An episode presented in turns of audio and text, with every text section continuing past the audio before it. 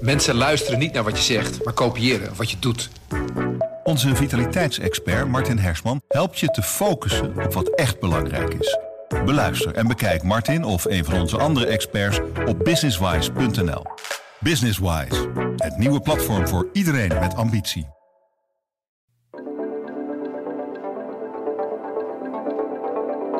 Dan moet je eens kijken wat ze geblunderd hebben. Want het ene na het andere verhaal krijgen we over. Daar zit vervuiling, daar zit vervuiling. Daar heeft een ambtenaar zitten slapen. Daar heeft een toezichthoudende organisatie het niet goed gedaan. Eigenlijk is Zeeland er nog niet zo heel erg mee bezig. Mijn buurman in ieder geval niet. Vanaf de redactie in Vlissingen is dit de PZC deze week. Mijn naam is Rolf Bosboom. Nog een paar weken en dan mogen we naar de stembus om een nieuw provinciebestuur te kiezen. Verslaggever Ernst-Jan Roosendaal is er al volop mee bezig. Hij spreekt alle lijsttrekkers en leest de verkiezingsprogramma's. Waarom zou je eigenlijk moeten gaan stemmen? En hoe maak je een keuze uit 16 partijen? Ben je zelf al bevangen door de verkiezingskoorts? Een klein beetje wel. Want als je zo bezig bent, dan, uh, dan ga je je verdiepen in uh, partijprogramma's. Uh, je wordt geconfronteerd met mensen die uh, toch heel gemotiveerd zijn om een zetel te halen. En dat betekent dat dat ook een beetje op jezelf overslaat omdat we ook aan onze bezoekers van de website en de lezers van de krant duidelijk willen maken van wat staat er op het spel. Uh, ze zo breed mogelijk willen informeren. Um, dus inderdaad, een beetje verkiezingskoorts is er wel. En tegelijkertijd is dat dus raar, want ik merk en wordt er ook wel op aangesproken dat de verkiezingscampagne ook nog niet zo ontzettend leeft. Dus je bent de hele dag nu bezig met verhalen voor die verkiezingen.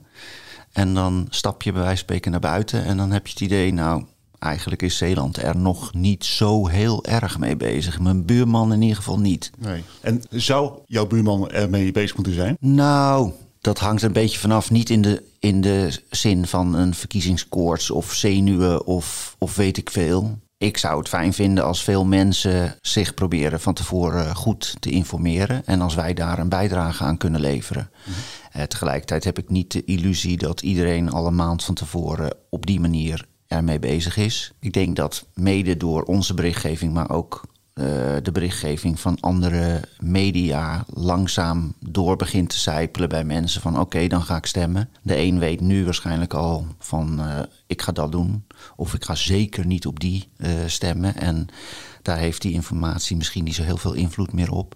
en de ander zal misschien juist aangewakkerd door de berichtgeving zeggen van nou, ik ga me er toch eens wat meer in verdiepen. Of uh, ik vind het eigenlijk al prima als uh, uh, mensen s'morgens zo'n verhaal bij het ontbijt lezen. Of als ze zo'n verhaal s'avonds op het internet eens even aanklikken en zeggen van goh.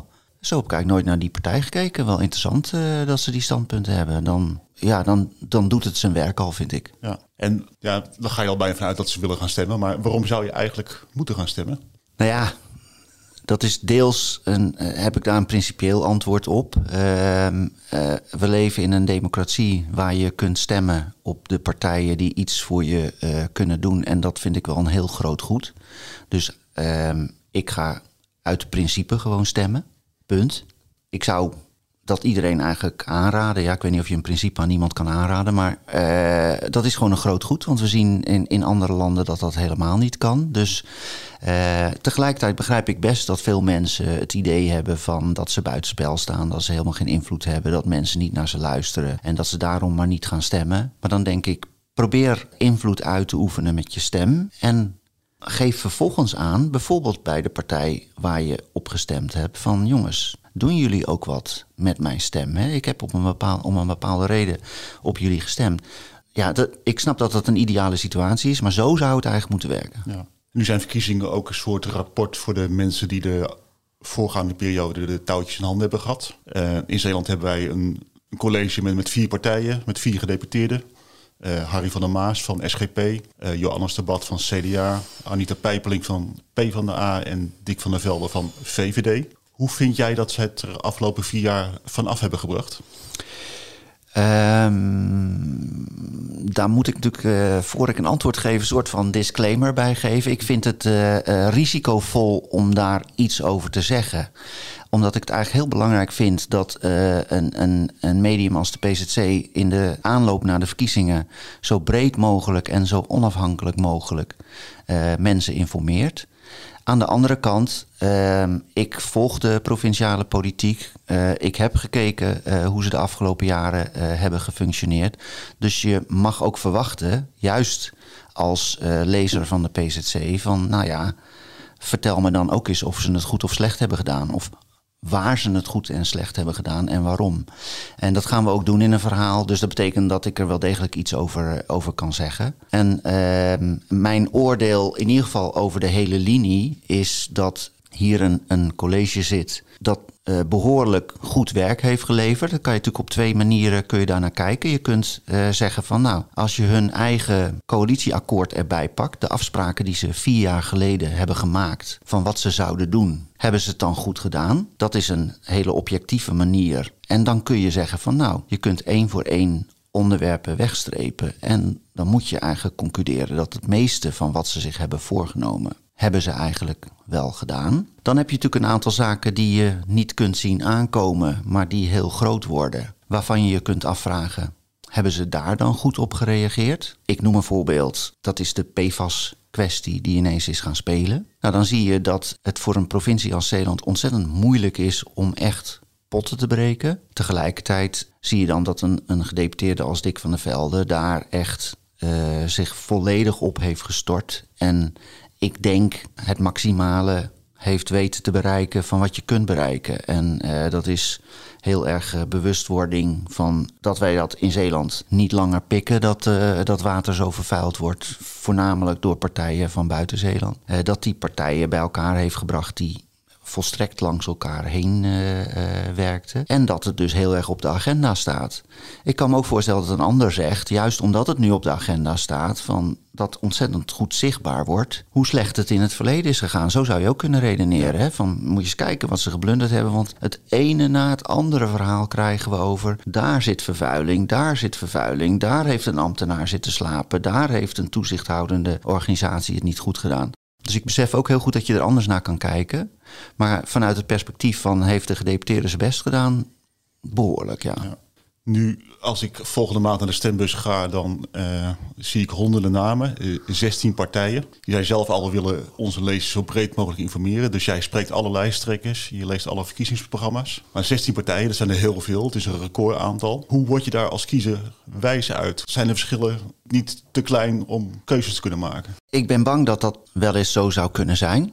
Uh, daarom is een terugkerende vraag in alle interviews met de lijsttrekkers is van Waarin onderscheidt uw partij zich van alle anderen? Dat is een lastig hoor, want daar uh, wordt ook het kortste antwoord op gegeven. Maar dat is eigenlijk toch een beetje de vraag die ze op straat ook zouden kunnen krijgen van... Uh, nou, waarom moet ik op de VVD stemmen? Waarom moet ik op ja 21 stemmen? En dan uh, geef dan eens in één zin een antwoord waarbij uh, de vraagsteller niet zoiets heeft... oh, ja, maar dan kan ik net goed ook op de SP stemmen, want die zegt het ook. Of ik kan dan ook wel uh, op Forum stemmen, want die zeggen dat ook.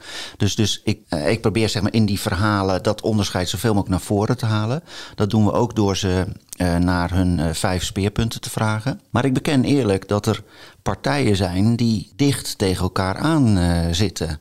Uh, je ziet dat uh, PvdA en GroenLinks al een lijstverbinding zijn aangegaan. Die zijn eigenlijk in Zeeland één partij geworden. Ja. Dat is natuurlijk een goede oplossing voor twee partijen waar je het verschil te weinig tussen ziet. Ik ben zelf heel benieuwd waar de belangrijkste verschillen zitten tussen de wat kleinere partijen die eerder ook bij elkaar zaten. Hè? Dan kun je gewoon denken aan Forum voor Democratie, uh, Ja 21. Uh, het is niet zo dat uh, de Zeeuwse lijsttrekker zich afgescheiden heeft van Forum. Maar het is natuurlijk een partij die uit Forum voortkomt. BVNL, daar komt de Zeeuwse kandidaat Robert Brunke komt ook uit Forum voor Democratie. Ja, in die hoek uh, en ik noem dat een beetje uh, de hoek van, van uh, mensen die kritisch kijken naar de, de huidige politiek. Dus niet niet eens per se naar eh, het huidige college, maar gewoon naar eh, het huidige politieke stelsel. BBB kan je denk ik ook toerekenen. Hè? Je hebt ook mensen die het hebben over de afgehaakten. Dus dit zijn misschien wel de partijen die de afgehaakte kiezer hopen en kunnen binnenhengelen. Ja, onderscheiden die zich genoeg van elkaar of is het gemeenschappelijke wat ze hebben vooral die weerstand tegen de bestaande politiek? Ik ben benieuwd. Uh, de afgelopen periode is het aantal fracties ook al veel echt toegenomen. Hè? Wat voor invloed heeft dat gewoon op de, de bestuurbaarheid van, van, van, van, de, provincie met zoveel partijen? Worden vergaderingen daardoor, daardoor ook niet heel lang? Gaan mensen elkaar niet herhalen? Hoe werkt dat in de praktijk? Ja, ik denk niet dat de provincie er minder bestuurbaar door wordt, omdat er uh, een college zit van vier partijen en die hebben een ruime meerderheid. En dat betekent dat ze hun besluiten kunnen nemen uh, en dat die door de staten over het algemeen wel gesteund worden. Maar de vergaderingen zelf, die gaan inderdaad langer duren. Met als gevolg dat de burger die waarschijnlijk toch al niet vol spanning uh, zeg maar een livestream zit te volgen, helemaal zou afhaken. Want ja, er wordt soms uren gedebatteerd en iedereen moet even nog zijn, zijn zegje doen. Dat maakt het wel moeilijker. Dan denk ik van nou dat vind ik zelf nog niet het ergste. Want uh, er zitten toch niet uh, duizenden en ook geen honderden en misschien zelfs geen tientallen zeeuwen aan de buis gekluisterd als provinciale staten vergaderen. Dus het is niet zo dat dat ineens verandert. Wat ik vooral jammer vind is dat een college moet gecontroleerd worden door de staten. En ehm, eigenlijk heb je een zodanig versplinterde oppositie dat die zelden een vuist maakt. En ehm, nou, in die zin vind ik het wel jammer voor de politiek in Zeeland. Eh, omdat je ook als je gestemd hebt op een partij die niet in het provinciebestuur uh, terechtkomt, invloed hoopt uit te oefenen. En door die versplintering wordt dat voor die kleine partijtjes echt heel erg lastig. Je noemde zelfs net al even BBB, de Boer-Burgerbeweging. Dat kan een heel belangrijke factor worden in de verkiezingen. Deze week zei lijsttrekker Kees Hansen en partijleider Caroline van der Plas in onze krant uh, dat zij het politieke landschap uh, gaan veranderen. Althans, dat verwachten zij. En misschien wel de grootste worden. Denk je dat het ook in Zeeland het geval kan zijn? Ik vind dat een hele interessante vraag. En uh, praat daar met verschillende mensen over. En het is heel leuk om daarover te filosoferen. Ik denk um, dat Zeeland wel afwijkt van de rest van het land. Dus dat je de landelijke peilingen over BBB niet één op één op Zeeland neer kunt leggen. Dus er wordt grote winst voor ze voorspeld. Ik denk zeker dat ze ook in Zeeland een flinke aanhang uh, hebben. Maar of ze uh, echt voor een uh, aardverschuiving zorgen, daar ben ik benieuwd naar. Als je kijkt waar landelijk BBB zijn kiezers vandaan haalt, dan is dat bijvoorbeeld het CDA, waar van ouds natuurlijk ook veel uh, boeren of mensen van het platteland uh, affiniteit mee uh, hebben. Ja, je ziet dat die landelijk in de peilingen slecht staan. En een aantal van de stemmers overweegt op BBW te stemmen. In Zeeland zie je een sterk CDA, mede door hun, hun aanvoerder Johannes de Bad, die het als gedeputeerde goed doet. Vier jaar geleden zag je dat het CDA landelijk verloor, maar in Zeeland won.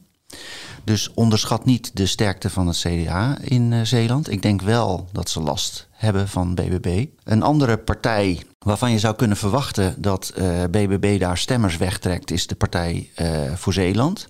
Wat je toch ook echt wel een Zeeuwse plattelandspartij kunt noemen. Met ook wel voorbeelden, hè, agrariërs als, als echte voorbeelden. Denk aan Bertie Steur, denk aan Gert-Jan Minderhout. Uh, dat zijn mensen die wel de partij gewoon trouw blijven. Dus eigenlijk het hele kader waarvan je best zou kunnen verwachten dat er een aantal mensen zou overstappen naar BBB, zoals Kees Hansen als lijsttrekker natuurlijk wel heeft gedaan, blijft bij de Partij voor Zeeland zitten. Dus dat maakt het interessant om te filosoferen. Blijven de kiezers dan de Partij voor Zeeland trouw? Of neigen die toch meer naar BBB? En dan denk ik dat je dus een grote groep van ontevreden kiezers hebt. Uh, je zag vorig, bij de vorige verkiezingen dat uh, Forum voor Democratie vijf zetels scoorde. Ik denk niet dat ze dat succes kunnen herhalen. Maar ik kan me wel voorstellen dat veel van de mensen die toen op Forum hebben gestemd, zoekende zijn naar wat is de partij die mijn onvrede nu toch een beetje gaat verkondigen in de politiek. Dus ik denk dat er daarvan stemmers terechtkomen bij BBB. En misschien is wel de belangrijkste doorslag: wil BBB echt heel groot worden in Zeeland? Dan denk ik dat ze vooral kiezers moeten aanspreken die de vorige keer thuisgebleven zijn. Dan maken ze denk ik verschil. Ik geloof niet dat ze heel veel partijen leeg gaan vreten. Maar als de ontevreden kiezer zegt: Ik ga nu naar de stembus, want nu is er een partij waar ik me in kan vinden. Dan denk ik dat het best een verrassing kan worden. In de, in de peiling scoort PVV ook nog uh, behoorlijk hoog.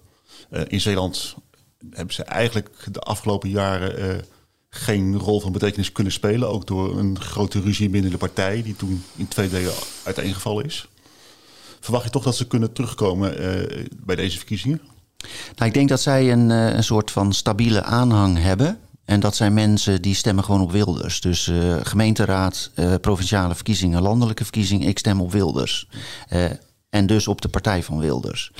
Ehm, vraag me dus ook af of de PVV heel erg afgerekend zal worden op het gedoe van de afgelopen jaren. Want eigenlijk zou je kunnen zeggen dat al snel na de vorige verkiezingen hield de PVV in Zeeland op te bestaan. Ja. En het is gewoon een feit dat uh, Geert Wilders zich ook helemaal niet meer met die partij bemoeide. Dus die be bemoeide zich niet met Vincent Bos, die zich had afgescheiden. En die uh, bemoeide zich niet met Peter van Dijk, die zich eigenlijk ook had afgescheiden. Um, dus je ziet dat um, Wilders graag wil dat mensen op de PVV stemmen. Dat vertaalt zich natuurlijk door in de Eerste Kamer.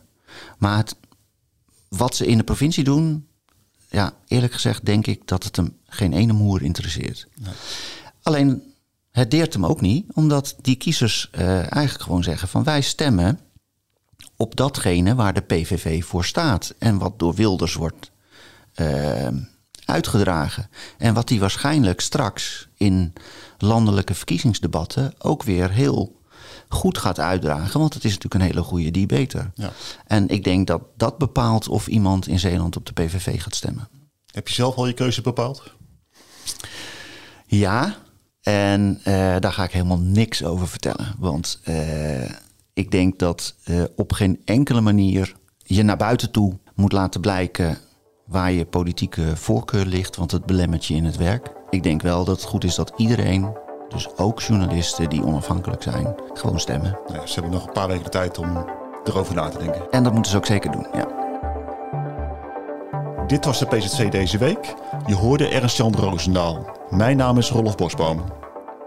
Volgende week zijn we er weer met een nieuwe aflevering. Tot dan!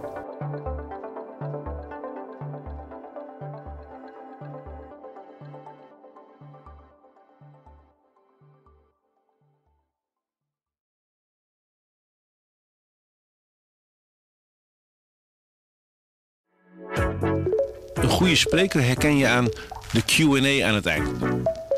Onze lifehack-expert Martijn Aslander geeft je adviezen waar je echt wat aan hebt. Beluister en bekijk Martijn of een van onze andere experts op businesswise.nl. Businesswise, het nieuwe platform voor iedereen met ambitie.